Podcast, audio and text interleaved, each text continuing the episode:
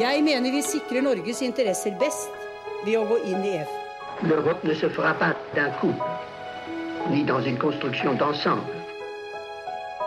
Das beste Mittel, um eine Politik zu treiben, die sich auf Vertrauen und Dette er ikke noe vanlig samarbeid mellom selvstendige nasjoner. Dette er en sterk og dyp integrasjon. No, no,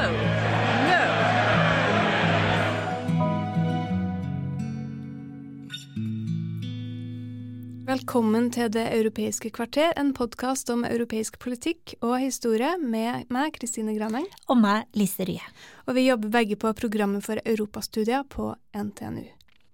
Det er jo en ganske mørk høst vi er inne i nå, eh, og, og det, er litt, det, er litt, vanskelig å finne noen lyspunkter i, i den situasjonen verden er i, med, med særlig krigen i Midtøsten, som jeg vet mange, mange tenker mye på for tida.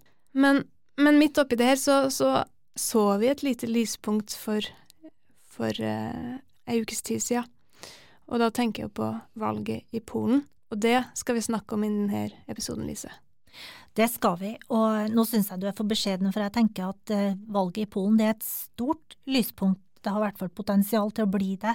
Uh, det er et særdeles viktig valg, både for Polen, men også for EU, og antagelig også for Ukraina. Mm. Jeg oss en kommentar av, eh, av historikeren Timothy Garten Ash, eh, som oppsummerte det polske valget. Han, han, skriver jo Eller han har ganske tett forbindelse til, til Polen, og, og, kan også polsk, eh, men jeg tror han er britisk i utgangspunktet, hvis jeg ikke tar feil.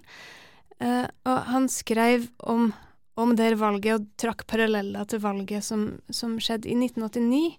Og det var jo det første nesten frie valget i, i Polen etter, etter denne lange perioden med mm. kommunistisk styre. Um, og, og, markert et, et, veldig vendepunkt for Polen. Det, det brakt håp. Det var et, et, valg som ga mye håp, og det var et valg der, der solidaritet og Lech Walesa nesten gjorde rent bord ved valget, til tross for veldig eh, krevende omstendigheter. Absolutt. Det var kanskje, kan vi kalle det et sånn semidemokratisk valg? Et ja, semifritt valg? Fremdeles kommunistpartiet som styrte mediene, men likevel så klarte man å, å mobilisere på en sånn måte. Og, og, og Garten Ash han, han, trekker altså koblinga fra det valget som skjedde nå den 15. oktober, og tilbake til, til det som skjedde for over 30 år siden. Eh, men, men, han beskriver det i kommentaren sin i The Guardian, vi skal linke til den, tenker jeg, som, som et valg som handler mer om frykt enn håp. Og bakgrunnen for det her, er jo at man har hatt en periode med, med demokratisk tilbakegang og, og, og eh, virkelig nedbygging av rettsstaten i Polen og de frie mediene. Um, under PiS, Lov- og rettferdighetspartiet, som, som går tilbake til, til 2015. Og det har vi jo snakka en del om eh, ja, tidligere også, Lise. Med god grunn, for det er jo en, eh, en veldig viktig utvikling som har, eh, som har påvirka EU-samarbeidet i veldig, veldig, stor grad. Eh, PiS, eller Lov- og rettferdighetspartiet, de har jo etter at de kom til makta i valget i 2015, gjort mye for å overta eller ta kontroll med viktige polske institusjoner, særlig altså domstoler, eh, men også media, og, og man har innsnevra eller innskrenka eller redusert rettighetene til innbyggerne betraktelig. Mm. Men, men, litt på tross av det her, og, og også litt på grunn av det, så, så, ser man, eller så man ved det her valget nå, for, for bare en liten stund siden at det var en veldig sterk mobilisering. Og utfallet var at, at uh, PiS er fremdeles det største partiet, men, men uh, den demokratiske opposisjonen, som de kaller seg sjøl, de klarte virkelig å mobilisere og ser nå ut til å være i stand til å, til å bygge regjering. Det skal vi komme tilbake til, men vi, vi må jo først snakke litt om hvorfor. Hvorfor er det det polske valget er viktig, også for EU? Og vi har jo allerede nevnt gode grunner til at det er viktig for Polen. Det handler jo om, om hvordan man skal forholde seg til, til rettsstat og demokrati i, i, eh, framover. Hva er det som skjer med, med det polske politiske systemet. Ja, ja, absolutt. Eh, ja, det handler om hvordan utvikling, eh, eller om Polen skulle fortsette videre ned den autokratiske veien som Polen hadde begitt seg ut på. Eh, mange husker sikkert de store demonstrasjonene i Polen mot den ekstremt strenge abortlovgivninga som ble innført i landet. Så det er viktig for Polen. Det handler om hvilket land Polen skal være, men hvilket land Polen skal er, har òg stor betydning for EU, for Polen er et stort land, Polen er en stor militærmakt, og Polen har vist at de har ingen skrupler med å gå i strupen på EU, både når det gjelder EUs verdier og når det gjelder EUs prinsipper. Så det har vært en sånn, sånn kontinuerlig kamp, egentlig, mellom eh, Lov- og rettferdighetspartiet og EU-institusjonene over de siste sju-åtte årene, hvor eh, ja, hvor Polen ikke bare har eh, eh, avvist de, de, verdiene som EU-systemet er basert på, men Polen har òg Avvist selve systemet? Ja, de prinsippene som ligger til grunn for at EU skal fungere, sånn som prinsippet om EU-rettens forrang. Polen har jo også blitt et mye viktigere eh, land for EU de siste årene.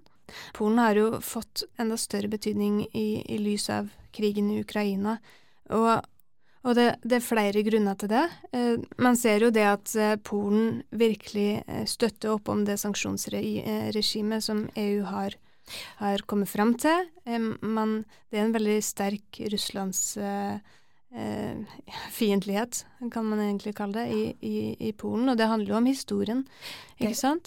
Men, men Polen er jo også veldig eh, sentralt plassert geografisk. Det er naboland til Ukraina, og, og mye av støtten til Ukraina går jo nettopp gjennom Polen, både den humanitære støtten og den militære støtten. Og vi ser jo at når statsledere skal besøke Ukraina, så reiser de med tog fra Warszawa. Og i tillegg, eh, noe av det som har blitt eh, fremheva mest, kanskje, det er jo det at, eh, at, Polen har tatt imot så mange ukrainske flyktninger. Så det, det er ingen tvil om at Polen har vært særdeles viktig for Ukraina, og Polen har jo sammen med bl.a. de baltiske landene lenge advart mot uh, Russland, uh, og kanskje vært uh, forholdsvis frustrert over å ikke få andre EU-land med seg mm. tidligere. Men, og i lys av det her så er det jo enda viktigere hva som skjer med forholdet mellom Polen og EU helt. Klart, helt klart, og, og, da må vi passe oss sånn at vi ikke får skjønne det her, da, fordi det er ikke så veldig lenge siden at uh, Polen uh, sa nei til å importere landbruksvarer fra Ukraina, og det var jo et svar på misnøye fra polske bønder. Så eh, Heller ikke Polens støtte, eller Lov- og rettferdighetspartiets støtte til Ukraina har vært noe man skal ta for gitt for alltid. Det er, jo, det er jo, litt vanskelig å, å sitte her eh, i Norge og, og, se på det som har skjedd i Polen de siste siden 2015, eh, siden PiS kom i regjering da, eh, og forstå hvorfor det har skjedd. Eh, men for å forklare det, så må man jo også Man kan ikke bare se på eh, det vi er mest opptatt av her, det som handler om rettsstat og demokrati. Vi må se på politikken som ligger til grunn for peace. Og, og, mye av årsaken til at de har gjort det så sterkt, handler jo om at de har innført ordninger som, som folk har ønska seg. De gikk til valg i 2015 på, på en barnetrygdordning eh, som var eh, veldig gunstige, og som, som folk ville ha, og, og gjennomførte. Eh, og de har fortsatt med den type politikk, eh, også etter det, i valget i 2019. Men samtidig så har de jo bygd opp en retorikk som er veldig fiendtlig, eller som har tydelige fiender. Absolutt. Og det henger jo også veldig sammen med, med denne eh, eh holdninga til EU i, i 2015, eh, da det var valg da. Det skjedde jo midt oppe i flyktningkrisa. Det var i oktober 2015. Eh, det var jo da det sto på som verst, og det brukte de virkelig. Eh, de har bygd opp en slags retorikk om, om ulovlige innvandrere, som, som, vi skal komme tilbake til, også var veldig tydelig i denne avstemninga. Men, men som du sier, Lise, så har de fortsatt å bygge ut sånne fiendebilder utover eh, også, med, Ja. med, med skremselsbilder rundt homofile, eh, blant annet, og trans, transpersoner. Så det, det er jo på en måte det her som er bakteppet for kampanjen. Vi har sett at det har vært ganske stor oppslutning om peace i denne perioden, men samtidig så har det skjedd store dramatiske forandringer i det polske samfunnet, med nedbygging av rettsstaten, med, med en mindre fri presse. Man har statskanaler, en statskanal som, som virkelig fremmer propaganda fra Lov- og rettferdighetspartiet, som også gjorde, har gjort det vanskelig å, å drive valgkamp i, i Polen, og som også har lagt føringer for hvordan her valgkampen foregår. For eksempel så hadde de bare én eh, partilederdebatt på, i, i den polske statskanalen, eller i det hele tatt, vel. Eh, og den var også i veldig stor grad prega av at, at det var kanalen som, som la ord i munnen, munnen på politikerne, og, og la veldig store føringer for debatten. Ja, og ja, ellers, det, hvis sånn overordna, så har jo kampanjen til Peace blitt beskrevet som en kampanje som nokså ensidig kjørte på å sverte Donald Tusk, eh, og oppfatninga er nok at, eh, at eh, opposisjonen tjente på at de kjørte en mer fremtidsretta kampanje. Mm. Og Donald Tusk, han kjenner jo vi som har fulgt EU-politikken en stund allerede ganske godt. Han, han var jo president for Det europeiske råd i perioden 2014 til 2019. Og det er jo også noe som har prega debatten, den koblinga som blir gjort mellom Tusk og, og EU. Eh, Vi kan snakke litt mer om det etterpå, men kanskje greit å si litt om, om hvem Tusk representerer først. For han, han jo Han leder jo ned Borgerplattformen, som er en, et sentrum-høyre-parti, men er, har alliert seg med flere partier i, i opposisjon, altså det de kaller den demokratiske opposisjonen. Ja, det var tre partier som eh, hadde de, de gikk ikke til valg på en felles plattform, men de var enige om at de skulle samarbeide om å fjerne eh, Lov- og rettferdighetspartiet. Og eh, i tillegg til Donald Tusk sitt eh, parti, så er det et parti som kaller seg Den tredje vei, og så er det et venstreparti. De er enige om en felles retning. De er enige om fire ting. De er enige om at Polens plass er i EU. De er enige om at rettsstaten må gjenreises. De er enige om støtten til Ukraina, og de er enige om at Polen må være i stand til å forsvare seg mot Russland. Mm. Og det er jo litt vanskelig å følge Det har jo vært vanskelig å følge valgkampen eh, når man ikke kan polsk, og, når man ikke har eh, så, så kjennskap til polsk politikk. Men jeg snakka med en kollega her på NTNU som er stipendiat, og som kommer fra Polen, og hun beskrev denne valgkampen som denne demokratiske opposisjonen har ført, som en slags eh, parallell, parallell til Obama sin kampanje da han var president, eh, som, som handla om håp, ikke sant? Ja. Mens, mens uh, i denne polske valgkampen så har det handla mye om, om endring.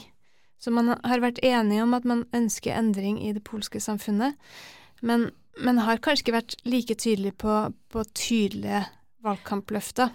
Nei, og det er sikkert vanskeligere òg, i og med at det er ikke stort strekk i laget, men det er jo tre litt ulike aktører som her har bestemt seg for å samarbeide, så de er jo uenige om en del ting som har å gjøre med økonomisk politikk og klimapolitikk Mm. osv. Kulturell politikk. Men kanskje er det underordna. Altså for hvis, eh, hvis nedbygginga av rettsstaten i Polen hadde fortsatt, hvis staten hadde fortsatt, eller regjeringa hadde fortsatt med å ta, underlegge seg domstolene, media osv., bygd ned rettigheter, så, så er det jo ikke noe rom for den andre politikken uansett.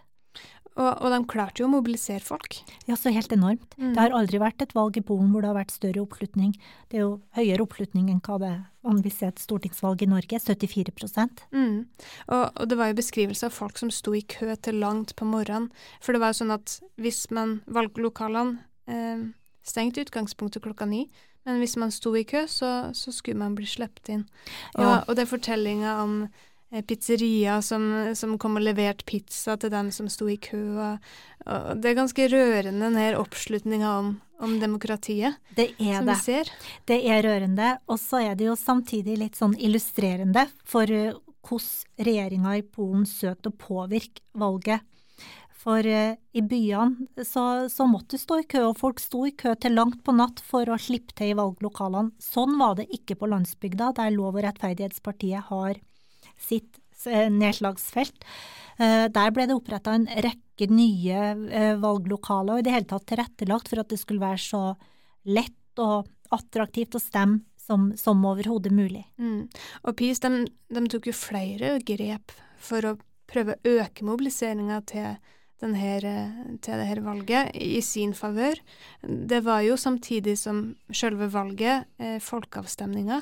De hadde ja. annonsert på forhånd at det skulle være en folkeavstemning om migrasjon, men da det kom til stykket, så, så var det spørsmål om ganske mye forskjellig. De, de hadde et spørsmål om pensjonsalder, et om salg av eh, Ja, har du, har du spørsmålet, Lise? Ja, vet du hva, jeg har det, for det var, det var, jo kjempespesielt. Et av spørsmålene var sånn, er du for å slippe inn tusenvis av illegale immigranter til Polen under tvangsflyttingsmekanismen pålagt av europeiske byråkrater? Mm, og det bygger jo opp under den retorikken som, som PiS har ført helt siden iallfall 2015. Ja, absolutt. Eh, er et annet spørsmål. Er du for å selge ut statlige eiendeler til utenlandske enheter? Er du for å fjerne barrieren mellom Polen og Belarus? Er du for å heve pensjonsalderen til 67 år for både menn og kvinner? Mm. Og det er ganske tydelig at PiS her ønsker at man skal svare nei i denne folkeavstemninga. Og det her er jo saker som blir knytta til borgerplattformen til Donald Tusk. Eh, blant annet det med pensjonsalder. Det var et forslag eh, som, som kom tidligere eh, fra tysk, men som han nå har, har endra mening om, eh, sier han. Eh, så, så, det er jo et tydelig forsøk på å mobilisere, på å sette agendaen og få, til å få folk til, til å stemme. Men, men, de lyktes jo ikke, Kristine. Hva skjedde med denne folkeavstemninga? Ja, for det første så, så eh, hadde borgerplattformen en bevisst strategi om å ikke diskutere de mer spørsmålene. Eh, men så så man jo også at det heller ikke ble så høy deltakelse. Den fikk ikke nok oppslutning. altså Fordi om velgerne strømma til valglokalene, så valgte de i langt, langt mindre grad å mm. delta mm. i denne avstemninga. Mm. Det var nok mange som valgte bevisst å ikke plukke opp den stemmeseddelen der man kunne, kunne svare på de mer spørsmålene. Så spørsmålet nå er jo hva skjer videre, og det har vi jo snakka litt om allerede. At, at det kan den her eh, demokratiske opposisjonen, de har klart å, å, få et stort nok flertall i valget, men så må de eh, komme til enighet om en felles plattform for å danne regjering. Det er, mye, det er mye som må skje, egentlig, for Polen har jo også en president som har mye makt, Andrej Duda, og Andrej Duda han tilhører PiS-partiet.